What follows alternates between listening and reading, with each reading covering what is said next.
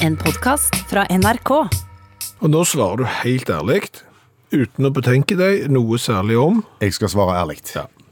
Om du kjenner noen, eller sjøl har vunnet en sånn en konkurranse på Facebook Sånn, Skriv navnet ditt i kommentarfeltet, lik og del osv., så, videre, så vinner du en grill eller et opphold for to på et spahotell eller Jeg skal svare helt ærlig. Ja. Jeg har aldri vunnet noe som helst, og jeg kjenner heller all, ingen som har vunnet noe som helst. Nei, ikke jeg heller. Nei. Jeg kjenner folk som har vunnet i Lotto, for eksempel. Jeg har vunnet i tipping sjøl, fotballtipping, eh, så, så, så jeg vet at det går an å vinne på sånne ting som det. Fortell hvordan dette her fungerer. Nei, hvordan fungerer det? Eh, Nå har gjerne ikke du som hører på radio Facebook, eh, eller så har du som hører på radio eh, Facebook. Men du har uansett hørt om Facebook. Det, det er en sånn liten sånn farsott som nok er kommet for å bli, iallfall en stund til.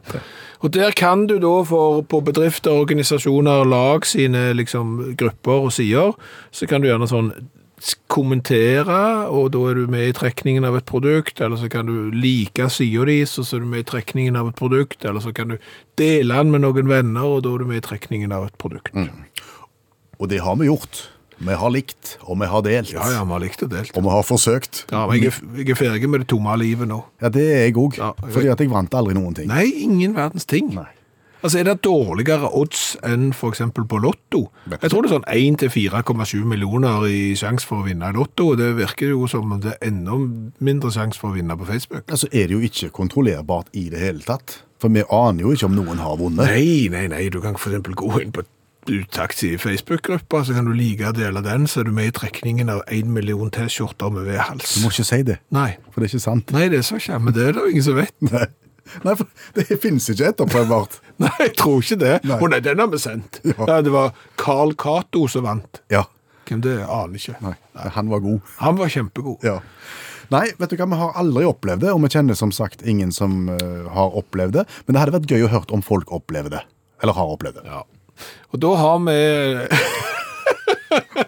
Har vi, har vi oppretta en liten tråd? Ja, jeg har oppretta en tråd på Facebook ja. der jeg spør, rett og slett, bokstavelig, har du eller noen du kjenner vunnet en eller annen sånn Facebook-konkurranse? Noe som helst. Ja, så, så hvis du har det, så, så gå inn der, så kan vi jo få etterprøvd om dette faktisk er mulig, eller om det er, og om vi tar riv ruskende galt, for det har vi gjort før.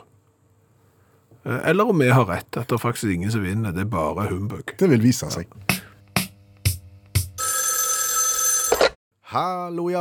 Hallais, Klingsheim! Hei, Stavanger-smurfen. Stavanger-kameratene, go, go, go! Jeg skal trege deg igjen. Det begynner å nærme seg fotballoppstart, og jeg sitter nærmest og tripper, for å si det sånn. Ja. Men du! Ja. Har du lyst til å kjøpe mose? Kjøpe mose. Ja. Eller skvallerkål? Uh, utgangspunktet ikke interessert. Hvem er det som selger? Det er meg. Du selger mose og skvallerkål. Ja, ja, jeg selger løvetann òg. Ja. Kveige og tistler og you name it. Du selger ugras. Hvem er du som kan bestemme at det er ugras, Klingsheim? Kvinnesland heter jeg. Ja. Samme kan det være. Her må det en holdningsendring til. Ja. Altså, Hvem er du som skal sitte der på det høye gjerdet ditt og så se ned ifra hesten og så si at dette er ugras og dette er ikke fint? Det er ikke bare jeg som sier at det skvallerkål og tistel er ugras, Stavanger-smurfen. Nei, jeg vet jo det. Det er jo derfor jeg har begynt på denne holdningskampanjen her nå og det nye firmaet mitt. Du skal løfte det opp, ja? Ja, ja, ja. Life is beautiful, go, go, go. OK. Det er det nye firmaet mitt. Og da selger jeg mose, tistler, skvallerkål og forskjellig. Hvordan får du kjøpt mose? I, i, i, i hvilke kvanta, eller hvordan, i hvilken form? Jeg spør meg heller hvorfor jeg har begynt på det. Ja, OK. Hvorfor har du begynt med mose og skvallerkål og ugras? Veldig glad for at det spørsmålet kom, Klingsheim. Kvinnesland? Og det er jo fordi at jeg har jo hage. Ja. Og den ser jo fager ikke ut, for å si det fint. Nei. Altså, han ser jo ut, men han ser jo ikke ut.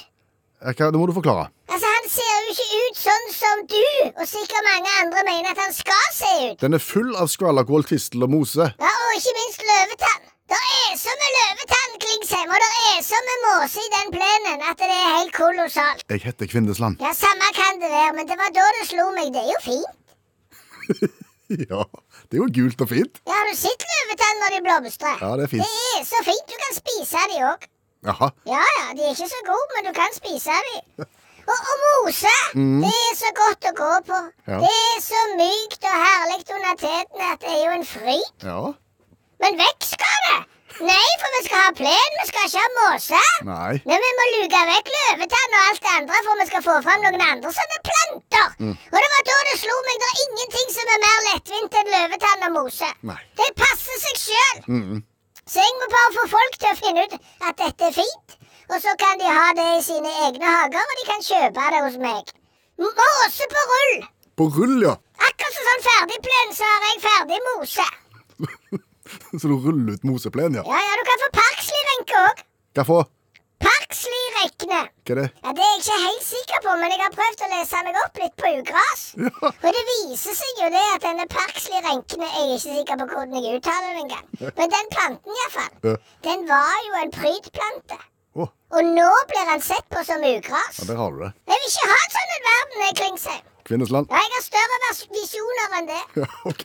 Men du, Ja? jeg, vet ikke om det er vits å selge dette. For hvis at folk skal begynne å, å, å plante på ugras og greier i hagene sine, så er ugras noe som sprer seg helt fint sjøl. Ja, jeg er helt enig, men du må ha et utgangspunkt. For det er klart, Har du et sånn et, en prydhage nå, Ja. han er på en måte ferdig, så, så går det mye fortere hvis du får tilsatt litt løvetann fra yours truly. Go, go, go. Skjønner. Ja, så Derfor kan det være lurt å kjøpe noe måse på rull òg, og så bare få lagt det oppå plenen med en gang, så er det ferdig. En gang for alle, hvis du skjønner. Skjønner. Men du, Kvikksheim! Kvinnesland? Ja, Samme kan det være. En liten ting til slutt. Ja vel? Har du sett på folk som asfalterer? Ja, det har jeg gjort. Er det meg det er noe gale med, eller ser det ut som de ikke jobber? De som asfalterer. Altså, Nå har jeg kjørt forbi så mange som asfalterer, i så mange år. Og de er jo 20-30 mann. Og det er to mann som står og spar, og 20 som ser på. Det, det er en observasjon jeg eh, kan, kan kjenne meg igjen i, ja.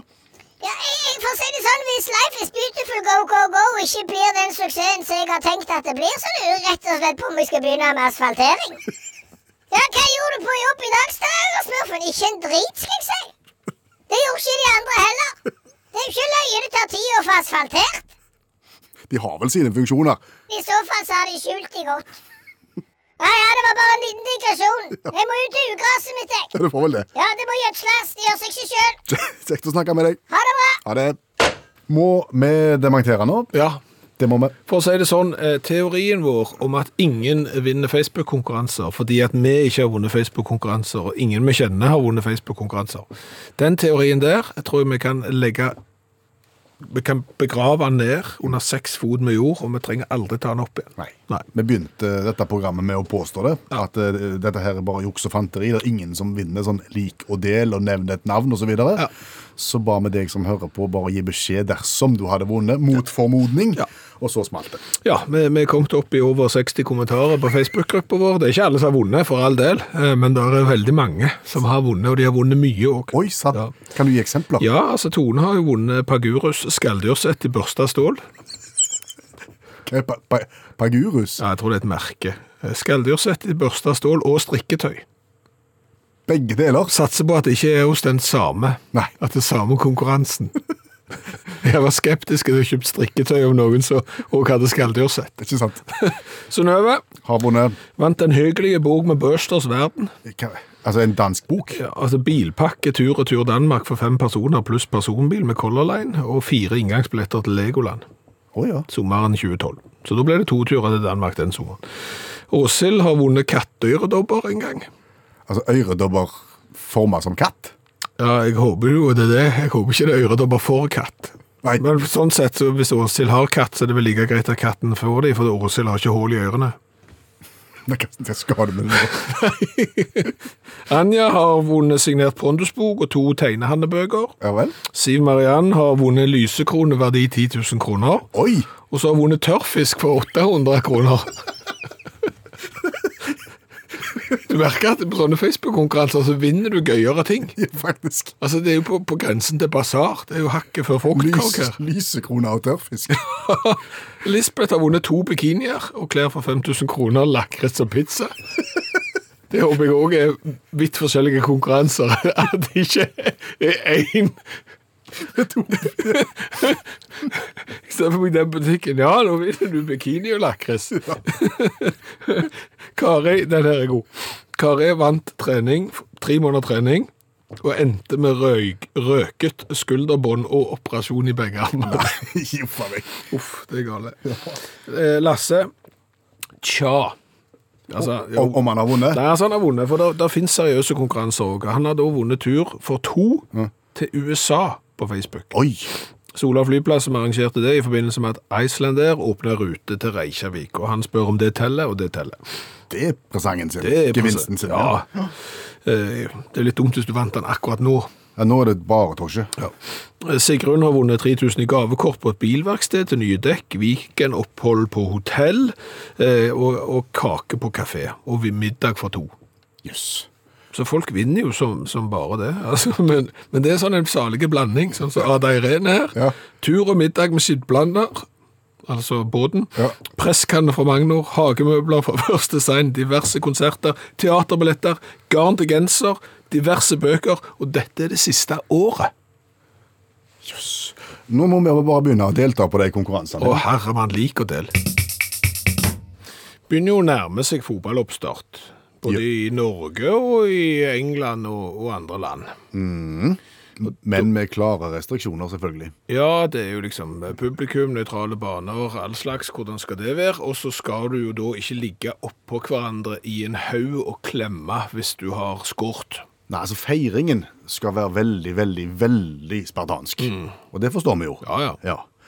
Høres jo rart ut at det skal legges ned et feireforbud, så da må vi jo prøve å få bringe litt perspektiv inn i denne saken her, og da kaller vi opp allmennlærer med to vekttall i musikk, Olav Hove. Hei, Olav. Hallo, hallo. Er det nytt å innføre et feireforbud? Nei da, på ingen måte. Baseballklubben eh, Florida Marlins de innførte det allerede i 2010. Var det noen grunn til at de måtte det? Absolutt. De hadde, jo, eh, de, de hadde jo en veldig flink spiller som heter Kendri Morales. Han var flink i slowball. Han slo masse sånne homeruns. Og han, eh, han gjorde at de hadde en voldsomt god sesong da, i en periode. Men så skulle han Morales da da hadde han planlagt at når han tok en sånn home run, så skulle han, skulle han liksom springe mot en sånn plate, sånn home base, som det heter i, i det spillet. Og så skulle han ta en, en piruett i lufta, og så skulle han lande oppå den plata, og så skulle han liksom slå seg på brystet og si 'dette, jeg er sjefen'. Ja. Eh, han trefte ikke plata helt da. Hva traff han i stedet? Han traff nesten plata. Trakk han skjevt og knekte leggen. Eh, så ikke fint ut, måtte rett operere, og, og dermed så hadde de mista stjernespilleren sin. Men av en eller annen grunn da, så var den unge Chris Coglan Han hadde vært litt anonym til da i sesongen, men han steppa opp og ble liksom den nye stjerna. Så den neste morgenen så dukka han Coglan opp og var plutselig han som bar laget framover. Og han bar de såpass mye fram at han begynte å få voldsomt god selvtillit. da. Og fant at eh, han skulle, han skulle gjøre noe spesielt ut av feiring. La meg gjette. Nei, nei han, han tenkte han skulle ikke gjøre slik som han andre, for han, han skulle liksom brife sjøl. Han, skulle- han skulle hylle noen andre spillere.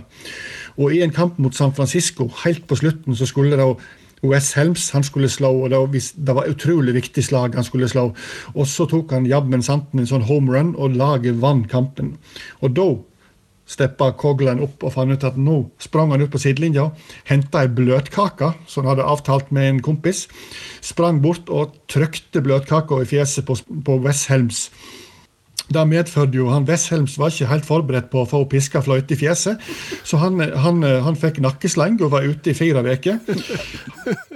Den godeste Coglan som kasta, eh, kasta eh, kaka, og han var litt uheldig med stamfoten, vrei kneet, ødelagte menisken og måtte opereres og var ute i fire måneder. På, på bløtkakefeiring. Yes, og da sa manager Ervin Rodriguez at nå nå er det totalforbud mot å feire i denne klubben. her. Eneste som var lov, var én finger i været og jippi, ellers ingenting. Så uh, feireforbud er ikke noe nytt. Og dette har de holdt på helt siden 2010? Mm. Håper det. Bløtkake er iallfall forbudt nå siden 20- 2010. Ja, det er i alle fall forbudt. Og til alle norske fotballspillere som scorer nå når Eliteserien en gang begynner, ikke ta med bløtkake. Vi må si tusen takk, allmennlærer med to vekttall i musikk, Olav Hove. Jeg blir sjøsyk.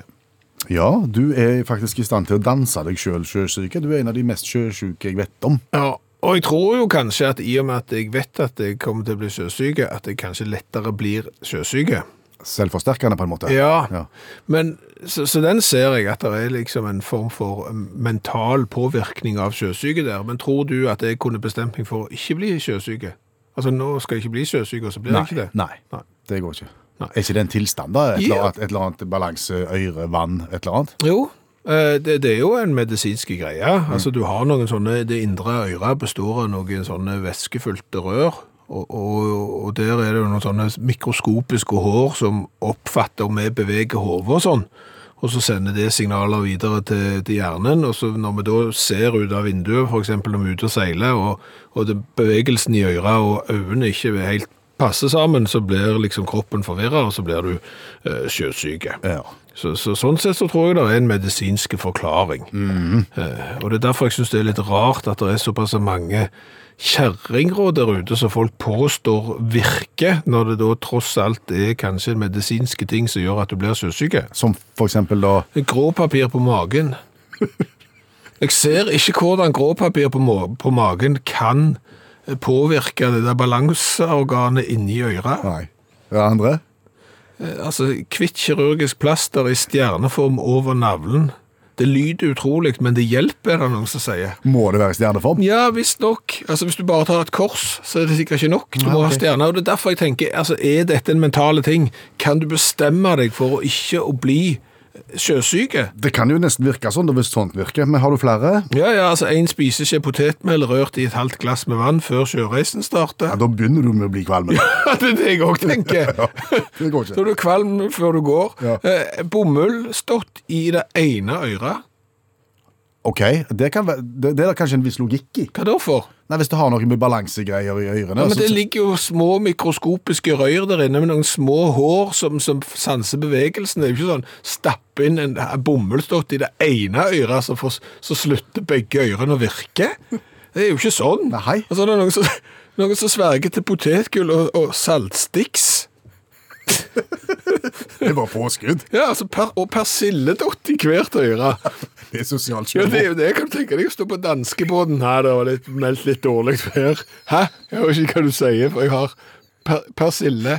Og er det bare persille som virker? Altså, kan du ha blomkål? Brokkoli. Kan du ha brokkoli? Kan du gå med asparges? Eller må det være persille? En teskje med ingefær. Ok. Ja, bland det ut i et glass med vann, og styrt det der en halv time før du drar til sjøs. Nei, Nei, nei, nei. Nei, Jeg skjønner ingenting av dette her, jeg, altså. Men reis, nei, er, er- er sjøsyke det samme som bilsyke? Ja, ja. Akkurat det samme. Ja, altså, det, det er de samme mekanismene. Det er at eh, øynene og, og, og balanseorganet ikke oppfatter det samme. Har du forsøkt sånn, sånn en liten sånn ding, sånn en liten tamp som henger under bilen og som sleper i asfalten? Var ikke det et sånn et antikvalmetriks? Det har jeg ikke sett, på mange år. Jeg Tror ikke du får det på nye biler lenger. Nei, men det var noe, når vi vokste opp, så skulle det, det var en eller annen sånn antistatiske greier. Det skulle henge noe fra Midt under bilen. Ja, Ja. og så skulle du være i kontakt med bakken, og da skulle du ikke bli bilsyk, selv om foreldrene dine sagt og røykte begge to i framsetet med vinduet igjen. Ja. Nei, for det var mange unger som spydde da. Hjalp ingen verdens ting. Owner of a Lonely Heart. Yes. Og den plata der, den har jeg hatt på lista mi på sånn Facebook nå. Når fortell, fortell de ti platene som har påvirka deg opp gjennom livet. Da er den plata eh, der. Eh, jeg hadde slitt mer hvis jeg fikk en sånn en utfordring på Facebook om å ta og ramse opp de ti beste russiske bøkene jeg har lest. Ja, For der er du svake. Ja, for å si det sånn, der sitter du i glasshus, gutt. Ja, så det synger. Ja, så du synger. er ikke spesielt sterk på russisk litteratur, du heller. Nei, og der vet jeg at det burde jeg vært, Mm. fordi at eh, noen av eh, litteraturhistoriens aller største klassikere kommer fra Russland. Tolstoj, Dostojevskij osv. Ja, du stoppet etter to, da gikk du til oss videre ganske raskt. Da. Men heldigvis er det jo hjelp å få. Ja, i Janne Stigen Drangsholt, forfatter og litteraturviter, det huset kommer til oss hver mandag og lærer oss en klassiker som vi burde ha lest på fire-fem minutter. Og nå skal du få være med òg.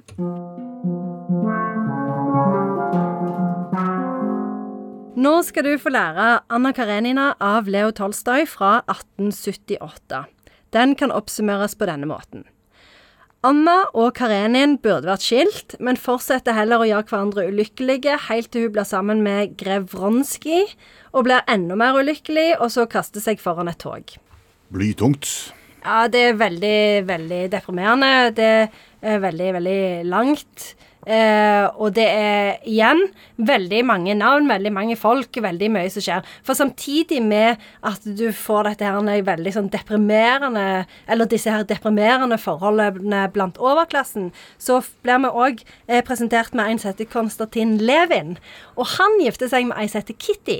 Og de bor på landet, og de har det kjempefint. Okay. Så det er òg litt sånn gladsak-ting som Tolstoy tar oss og legger inn i, i plottet her. Men Anna Karenina, det er overklassen, altså. Hun er gift med Karenin, Karenin, ja. og han er en riking. Han er en riking. Det er liksom grever og prinser og alt sånt. Eh, og for, handlingen foregår delvis i St. Petersburg, delvis i Moskva.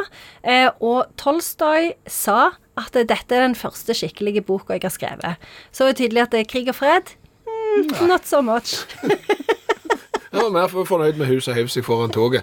Men, men uh, hun- hun oppsøker jo da lykken og prøver å finne en annen, og så er det skivebom, rett og slett. Ja. Ja. Men det som er viktig å merke seg, da det er at det, For dette, det kan jo høres ut som hun er ei slags sånn Nora. Eh, og at denne boka delvis handler om kvinnefrigjøring. Men det gjør han ikke.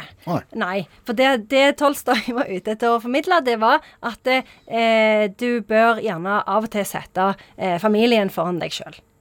Ikke være din egen lykkes smed så oh, ja. veldig mye hele Så hvis. Anna Karenina kommer til Karenin og sier eh, Vet du hva, eh, Karenin, jeg vil gå, så sier han- ikke han Anna Karenina du kan da ikke gå, han sier bare god tur. Nei, nei. Han sier Anna, kan ikke vi være sammen for sønnen vår sin skyld? Oh, ja. eh, og så sier hun sånn Jo, du har helt rett. Jeg bør jo ikke tenke så mye på meg sjøl. Jeg bør heller tenke på familieenheten. Ja, gjør hun det? Nei, nei, hun gjør jo ikke det. Hun Ser jo hvordan det går? Ja, så, så sympatien vår ligger etter hvert ikke hos Anna.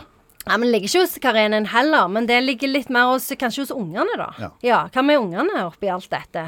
Og så var det jo en kritikk av overklassen, selvfølgelig. For de er jo bare egoistiske og tenker bare på seg sjøl. Så, så det er jo Det han egentlig gjør òg, da, det er jo å forsvare livet på landet. For det det er mye lettere å være et godt menneske, tydeligvis, og, og tenke litt på andre, og ikke bare på seg sjøl. Var han en landsenskudd, Leo? Nei, han var jo egentlig ikke det, men kanskje han hadde en litt sånn idealisert eh, eh, tanke om hvordan det var å bo, bo på landet. At det, men det, det, det som boka er er først og fremst kjent for i dag, da, det er at det er tegnet et sånn et veldig sånn komplisert psykologisk bilde av Anna Karenina, for hun er liksom ikke Hun er verken god eller ond, hun er bare komplisert, akkurat som alle mennesker, eller mange De fleste mennesker er ikke verken gode eller onde, men vi er bare litt sånn kompliserte og vet ikke helt hva vi skal gjøre og tar dårlige valg og, og sånn, da. Så, men eh, dette her er jo òg en veldig interessant bok fordi at den handler om en, en periode hvor det var mye sånn lov, lovendringer i, i eh, Russland, da, og hvor det skjedde veldig mye på oppfinnelsesfronten. Det er jo derfor han er så fokusert på tog. sant? Tog var jo, kom jo på 1800-tallet, veldig spennende. Så, så det er ei bok som tegner psykologiske portretter av mennesker, og òg av dette samfunnet, da, som er i voldsom endring. Et sitat fra Anna Karinina? Ja.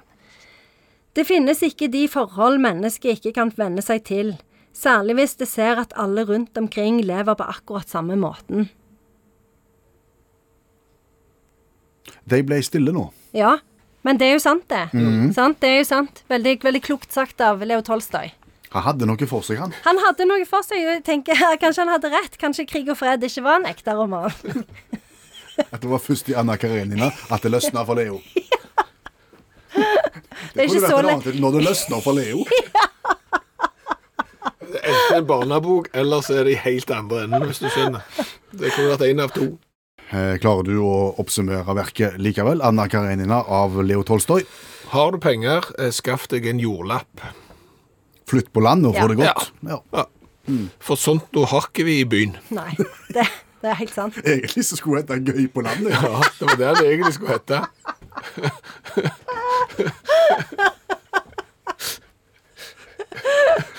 Hva var den andre tittelen? Når det løsner for Leo.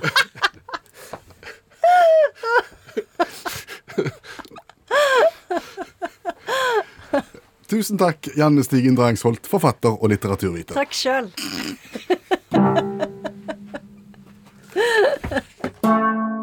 Tror du det er noen statssekretærer som hører på utakt i kveld? Det tror jeg. Ja.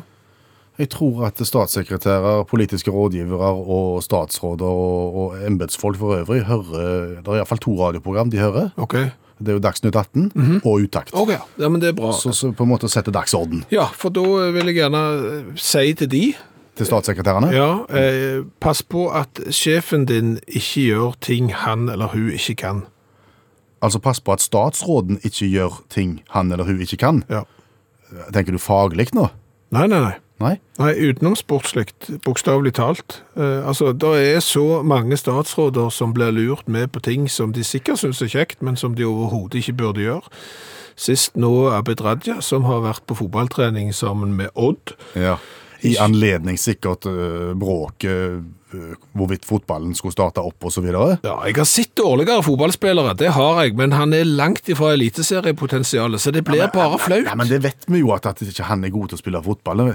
Det, det er jo bare sånn jovialt og gøy. Ja, men det, det er ikke jovialt og gøy, og det er heller ikke jovialt og gøy når Erna Solberg spiller trommer. Det fins ikke dårligere trommeslager, tror jeg, i hele Norge enn Erna Solberg. Unnskyld at jeg sier ja, ja, så du må ikke gjøre sånn. Og der er statsråder som har stått på riksdekkende fjernsyn og sunget 'La det svinge, la det rock'n'roll', og det, de må ikke gjøre det hvis de ikke kan det. Er det bare fan, fan, fan, fan, fantasier? ja, det er gøy. Ok, de skal ikke gjøre det i det hele tatt. Nei, altså, men er du god? Mm, Skikkelig god. Da må du gjøre det.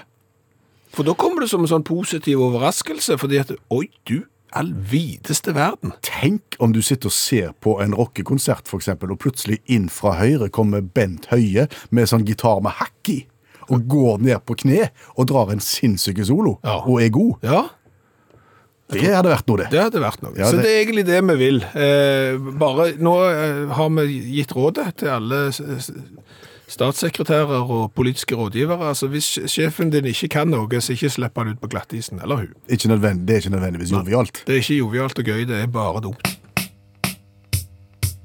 Og Halvor har sendt inn et spørsmål. Han skriver følgende. Ved årsskiftet 2019 tok dere opp en del spådommer om det som kom til å skje i løpet av året 2019. Vet dere nå om de spådommene stemte? Spørsmålstegn. Hilsen Halvor. Ja, og, og det er jo du som er spådomsansvarlig i dette radioprogrammet. Det er så. Så eh, det er et godt spørsmål, og vi skal faktisk besvare det ganske snart. Men for på en måte komme litt inn i hva dette her handler om, og hva vi snakket om den gangen. Dette handler nemlig om ei veldig spesiell spådame. Skal vi spille av et lite kutt fra halvannet år tilbake i tid. Du har lyst til å høre om aspargesspådama, sant? Asperges spådame. Ja? Fra England? Spår hun i asperges? Ja. Jeg hørte om de som spår i kaffegrut, og som spår med sånne tarotkort og sånn, men asperges har jeg ikke hørt om. Jemima Packington, aspargesk spådame, ser inn i 2019 og har spådd veldig mye rett tidligere. Oh, ja, så, så det er ikke noe du nettopp har begynt Nei, med? Hun Du har nei. spådd i asperges lenge? Ja, Ok. Og, og det hun gjør, hun tar det som heter aspargesbønner. Det er sånne litt sånne små, stutte grønne. -hmm. en god neve med de, så hiver du de opp i lufta, og så detter de ned på bakken, og det mønsteret de dekk da skaper på bakken, okay. Det, det forteller hun hvordan verden skal se ut? det spår hun. Ja. Ja. Og på bakgrunn av det så har hun eh, spådd brexit. Hun spådde at Trump kom til å vinne eh, presidentvalget i USA, og at Macron kom til å vinne i Frankrike. Aspargesspådama Jemima Packington, med altså eh, spådommer som tidligere har slått til. Men så var det da 2019. Ja. Eh, jeg har gått igjennom eh, det og funnet ut hva hun spådde, og nå skal vi jo se da hvordan det har gått. Ved hjelp av aspargesbønder så spådde hun f.eks. at frykten for brexit Altså Hvis engelskmenn hadde frykta brexit på noen måte, så ville det være fullstendig ubegrunna, ifølge aspargesspådommen. Ja Det var ikke bare bare den brexiten. Nei, altså For å si sånn, du har vel nesten ikke fått resultatet, fordi de brukte jo hele 2019 og vel så det til å, bli ferdige. De bytta jo på ministre, og de, det var jo bare rot. Ja. Så det, den der tror jeg Det er, det er egentlig litt helgardering å så bare nevne brexit, for vi visste at det var ikke avgjort. Ja, ja, altså der, der har Aspergesen gjort en dårlig jobb. Ok. Eh, Jemima Packington sa før 2019 ved hjelp av asparges. Hun så det på gulvet. Handelskrigen mellom USA og Kina vil, ta kjapt, vil gå kjapt over. Ja, det er riv ruskende galt. Er det? Ja, altså for å si det sånn, Jeg tror det må til januar 2020 eh, før tollsatsene på kinesiske og amerikanske varer hos de respektive landene ble satt ned. Så det tok jo hele 2019, så det stemmer jo ikke. Og I tillegg så ble det vel bare sånn at handelskrigen, selv om han ikke er helt ferdig den heller, ble bare en, nå overtatt av en krig om hvor var det dette her viruset kom ifra. Nå sitter jo Trumpen og mener at de har sikkert planta det kineserne, så det er krig uansett. Der funka ikke aspargesen. det Nei. Ok, Nummer tre. Nedgangstider i USA vil komme til å prege hele kloden. Nei. Det er jo rett på én måte, men hele kloden er jo prega, så da hjelper jo ikke Ja, det. det, og det begynte jo ikke i USA. Altså, det er jo økonomiske nedgangstider overalt pga. koronaviruset, så, så USA er med, ja, men vi seiler i samme båt. Ok, Uh, Nummer fire. Ekstreme temperaturer kommer til å bli normalt i 2019. Tja. tja, tja. For, ok, uh, altså, vinteren 2019-2020 har jo vært rekordvarme i Norge, men altså, kommer til å bli normalt. Du må ha lenger enn et år, så den går under tja. Ok, Så det er egentlig fire bommer, fire mulige så langt? Da hadde du ikke flere spådommer. Jo, den siste. Asparges kommer til å bli ekstremt populært i årene som kommer. har der har hun skåret. Jeg, jeg tror aldri jeg har spist så mye asparges som i 2019. Jemima Packington. Asparges spådama der, altså. Uh, unnskyld, dette kan virke litt flåsete, men det er ikke meninga. Nå har jeg sagt det på forhånd, bare så, som med. Men tror du det kan være en fordel å være blind og døv av og til? Nei. Jeg tror egentlig ikke heller det, men kanskje allikevel på et bitte, bitte lite område. Jeg har nemlig en teori om at blinde og døve ikke blir så sjøsyke som jeg blir. Ja, Vi har snakket om sjøsyke tidligere i programmet også, og slått fast at gråpapir på magen ikke nødvendigvis hjelper. Nei, med mindre du har bestemt deg for det, kanskje. Altså, Det er et eller annet når folk sier at du kan ha plaster på magen og persille i ørene og et eller annet som hjelper det. Men det er jo når balanseorganet i øret ikke passer sammen med det visuelle uttrykket, mm. så blir du sjøsyk. Og hvis du da ikke har et visuelt uttrykk, inntrykk, blir du da sjøsyk? Nei, ok, blindhet er jo ei side her, Ja. men du blander en døve i dette. Det Ja, skulle ikke ja. ha noe med saken å gjøre. Jo, bare vente nå, for det at vel er jeg fotograf, men research kan jeg drive allikevel. Altså, jeg har jo da vært inne på NASA sin nettside og lest meg opp på dette her. Fordi at når de utviklet sitt romprogram NASA, så fikk de hjelp av 11 døve til å finne ut hvordan kroppen ble påvirket av det å være vektløse. Hvorfor døve? Ja, altså Disse elleve døve de hadde ødelagt dette vestibulære eh, væsken og systemet i, i øret. Så de hadde ikke på en måte det balanseorganet som skal til. De var døve og hadde ikke det. Og dermed så ble ikke de eh, romsyke eller sjøsyk eller Nei. sånn. Så, så de ble jo da testa hvordan kroppen oppfatta vektløshet. Du kan tenke et av eksperimentene Jeg hadde jo, jeg hadde jo blitt helt koko i løpet av ti minutter. Det ene de, de skulle være tolv dager i strekk i et rom som roterte. Altså, det var ti runder i, i minuttet. Tolv dager i et roterende rom. Og gå an. Og de ble ikke dårlige. Nei. Nei, og sånne spykometer har du sett, altså sånne tønner og sånn som du skal snu fort rundt og alle sånne eh, greier. Ja. Inni der, alle tiders, ikke, og da kunne de på en måte, i og med at du ikke blir sant? at du ikke må liksom kaste opp og rett og slett blir så dårlig, så får du jo målt alle de tingene som de okay. trengte. Og disse 11, de, de står jo der som en påle. de var døve, Ja. men brukte NASA blinde også i samme? Nei, det har jeg ikke klart å finne ut. Vel, jeg eh, så, god er jeg ikke, så det, det er bare en teori jeg har. Så hvis det er eh, og, kanskje en flåsete sådan, men, men jeg lurer jo på, for jeg merker selv at når jeg blir, kjenner at jeg begynner å bli sjøsyke, og jeg har vært ute i orkan med en sånn pram av en bilferje, legg deg strekk ned og lukk øynene, så forsvinner synsinntrykket, og da blir jeg ikke dårlig. Ok, da kan det være at du har en, en teori der, altså. Ja, men det kan jo hende at hvis du er blind og går i taxfree når det bølgene slår, så blir de òg eh, sjøsyke. Dette er bare en eh, løslig teori. Hvis NASA trenger andre forsøkspersoner til sånne ting, så kunne de jo kanskje kalt inn noen østeuropeere som jobber på tivoli. Absolutt, ja. For de er jo i stand til å stå inne på karuseller, altså gå rundt og rundt og rundt, og røyke samtidig som de gjør det. Det er helt fantastisk. Uten å bli kvalme. Ja. Men der er noen altså, Noen sier du kan være på sildefiske i, eh, på Island. Da er du sjøsyk i 14 dager, og etter det er du aldri sjøsyk eh, mer. Og så er det de som aldri blir sjøsyke. Heldige folk, altså. Et globalt næringsliv ligger jo nede av koronaviruset. Og et internasjonalt eh, luftfartsmiljø ligger bokstavelig talt med brukken rygg. Nå har dette fått ringvirkninger helt inn på utaktkontoret. Det har det, for det er jo sånn når folk ikke reiser, så flyr de jo ikke. Nei. Eh, Når folk ikke reiser, så bor de ikke på hotell. Nei. Når folk ikke reiser, så havner de ikke i suvenirbutikk. Og når folk ikke reiser, så har de ikke med seg cola tilbake igjen til utakt. Og den konsekvensen av det er at eh, kjøleskapet vårt begynner å bli tomt. Det har jo aldri vært tomt. Det har aldri vært problem Nei. å skaffe cola til colatestingen vår. Nei, vi har jo snart eh, Vi har passert 260 cola for lenge siden, og vi har jo alltid hatt en buffer i kjøleskapet.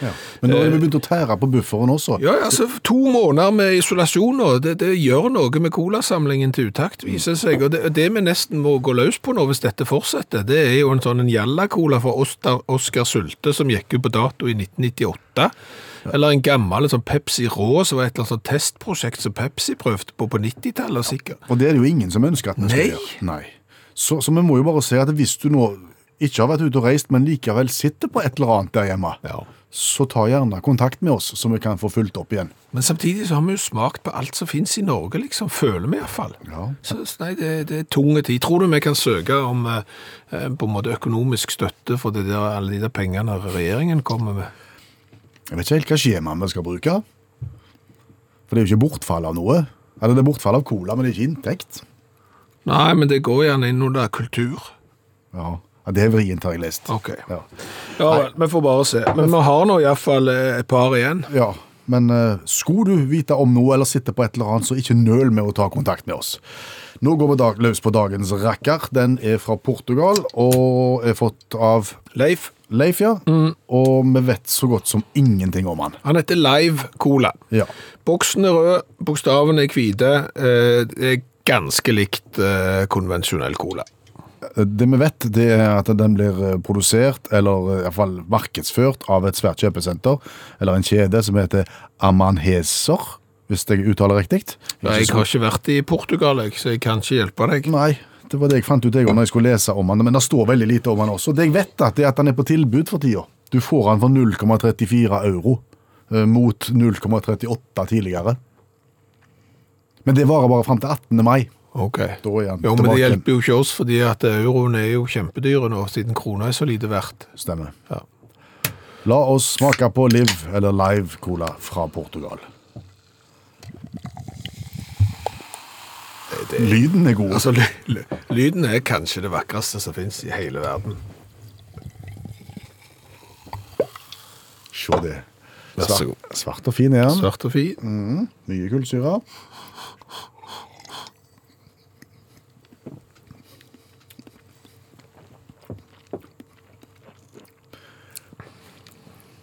Pøsecola.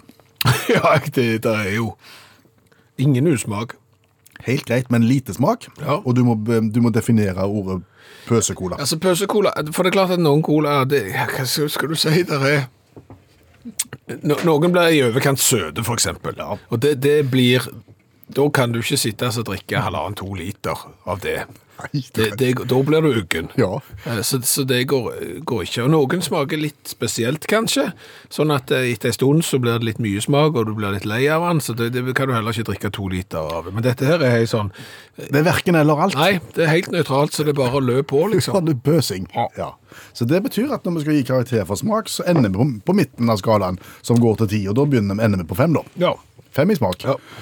Design, den ser jo De har bare rappa designet for originalen. Både farger og font og alt sammen. Ja, iallfall nesten. Altså, det er cola rødt. Skal vi finne på noe annet? Da? to. To. Helt enig. To i design. 14. Men det er ingen som skal til Portugal, så det betyr ikke noe. Ja, Ikke akkurat nå, men når du en gang skal. Ja, i oktober, november, desember eh, 2021. Det er ikke ofte vi graver fram noe fra utaktarkivet. Nei, vi pleier ikke å gjøre det. Men når folk eh, tar kontakt via telefon og via SMS og via mail og ønsker og ønsker og ønsker en programpost som gikk for mange, mange år siden. Ja. Da er vi på tilbudssida. Og jeg vet du sliter med det, Skjæveland, men som jeg har sagt før, seks celler, så stålsetter jeg.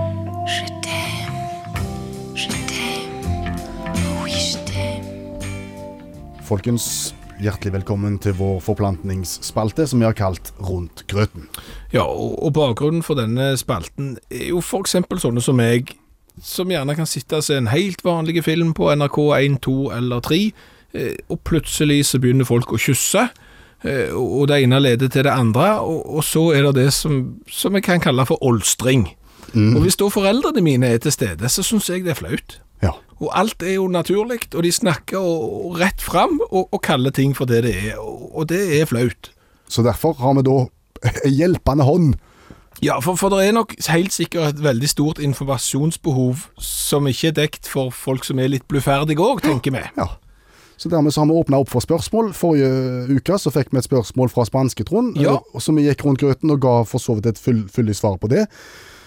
I dag er det kommet inn et nytt spørsmål fra Spanske Trond. det spanske Trond i dag òg, ja. Ja. Han har stilt et veldig direkte spørsmål til meg i dag.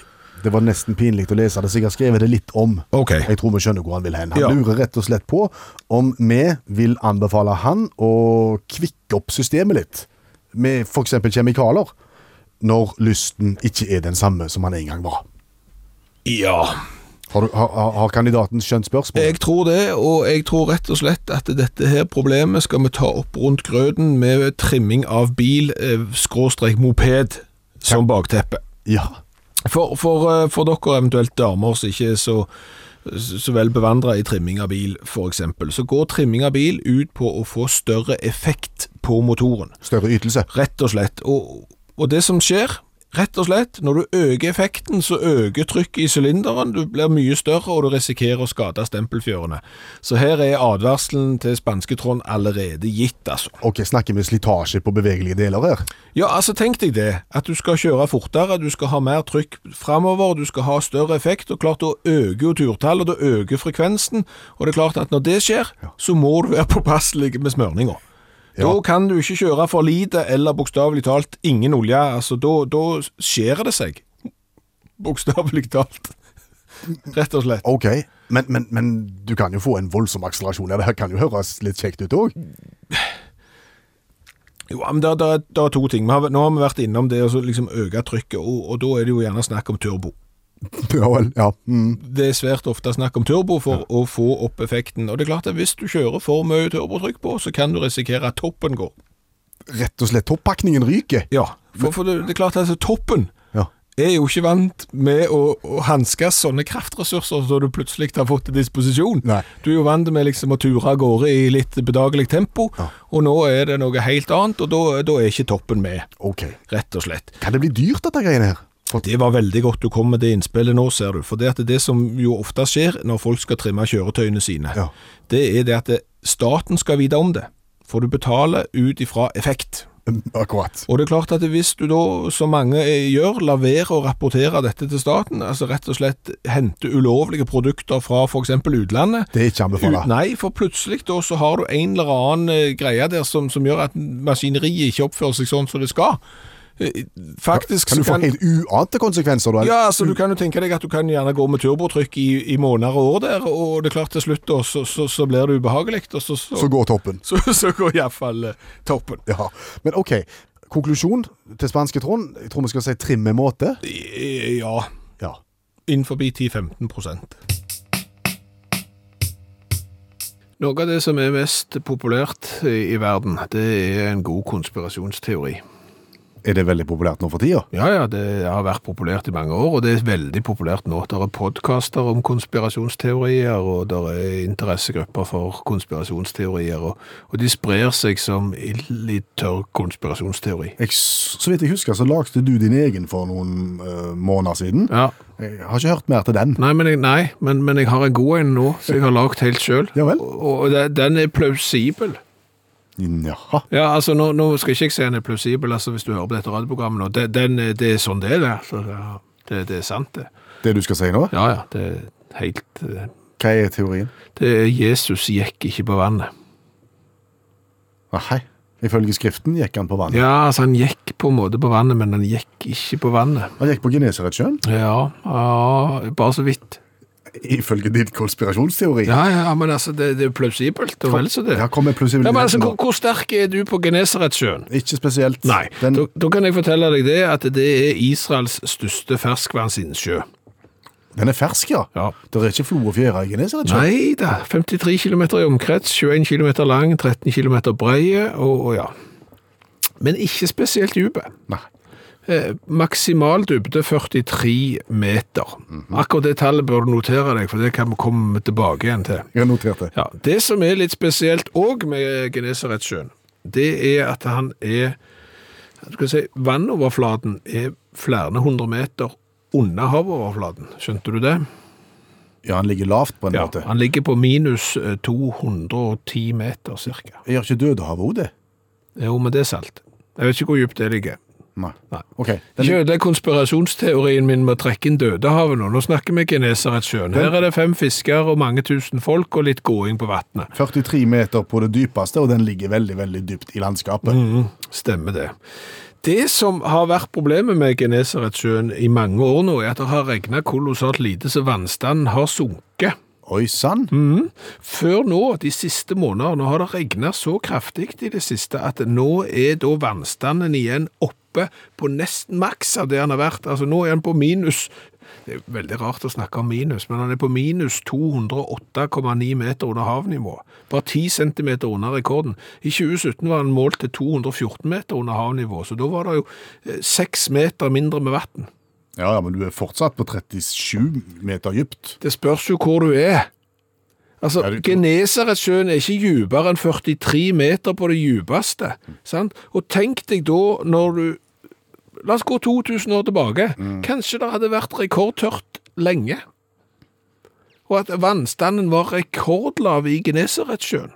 Så hvis du bare gikk Du kunne gå 20 meter ut fra land, og tilsynelatende så så det ut som det var kjempedypt, men egentlig så var det ikke dypt i det hele tatt. Da For det var ti 10 meter lavere vannstand enn det pleier. Da tror jeg at noen av følgerne hadde tatt en liten test etterpå, du. For å se, Hvis du hadde sett et menneske gå på vannet Ja. i 2020, Ja. så hadde du gått bort og sett etterpå og hevet en stein eller gjort et eller annet for å se at det faktisk var dypt. At han ikke gikk og tusla i sanden. Nå ødelegger du en eh, veldig god konspirasjonsteori. Nei, jeg må bare jeg, her, her, her må jeg. Ja. Jeg har egentlig et argument Jeg har det argumentet du skulle ha, Toge. Ja. Det var ikke det argumentet. Det var jo samtidig med at noen drev og fiskte. Ja, ja, ja. Og det er klart, at hvis, hvis da han som går på vannet fordi det er landgrunt og bare står der sånn så vidt opp på leggen, Mm. Ja, ja, ja. så jeg kaster ut på andre sida, så er ikke det spesielt lurt å si hive ut garnet hvis det er 30 cm dypt. Nei, Da er det tunfisk. Da er det på grensa til Ja, tunfisk. det, det er det. Så der røyk for så vidt konspirasjonsteorien min. Men du lærte noe om Genesaretsjøen? Det gjorde jeg. Hva har vi lært i kveld? Ganske mye. Flott. Eh, Vi har jo vært innom sjøsyke en del. Ja. Eh, Og gråpapir papir på magen og eventuelt eh, kvitt sånn plaster i stjerneform over navlen har vi ikke tro på. Vi har heller ikke tro på persilledusk i ørene. Nei. Selv om folk sier at det virker, så, så tror vi ikke på det. Han, Anne Harriet har sendt melding, altså Mythbusters, eh, TV-programmet, Ja. har testet mange kjerringråd mot sjøsyke, og de fant ut at det eneste som virket var ingefær, og de testet det eh, med å lage en sånn spykomet eh, sette en eh, programleder inn i den. Så den ingefær og de medisinene du får på apoteket, var det eneste som virker. Øyvind han har vært sjøsyk, for han har nemlig jobbet som vikar på redningsskøyta. Oh, ja. Og ble alltid stor sjøsyk i dårlig vær, men så lenge han jobbet med noe, så kjente han ikke etter på sjøsyka, så da gikk det ganske godt. Og så snart han satte seg ned, så ble han sjøsyk igjen. Så det går på en måte an å ignorere og fokusere på noe annet. Og apropos sjøsyke til slutt, så vet man NASA de tok jo og brukte elleve døve som hadde ødelagt denne balanseorganet inni øret. Eh, Og, de kunne da de, de ble jo ikke kvalmende, så de fikk de teste alle de, hvordan er det å være vektløse uten at eh, folk spyr. Så har vi lært at det å spå i asperges, Det virker ikke. det er veldig eh, usikker spådom. For ja. Jemima Packington spådde hva skjer i eh, 2019 ved hjelp av asperges, og hun bomma vel på det aller meste. Ja. Ja. Det vi ikke vet uh, egentlig, hun spådde jo helt til slutt at det kom til å bli kolossal interesse for asperges, og det har vi vel ikke fått etterprøvd Nei. helt. Lært noe mer? Ja, har vi lært noe mer? Vi har jo blant annet lært det at skal du feire og hoppe over gjerdet for å liksom feire foran hjemmepublikummet ditt, så vær bombesikker på at det er ikke er tre meter ned på baksida.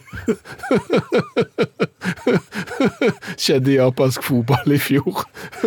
Boms i Daisy, men mannen reiste seg opp igjen, kom tilbake på banen og var faktisk da i stand til å skåre to mål til. Du har hørt en podkast fra NRK. Hør flere podkaster og din NRK-kanal i appen NRK Radio.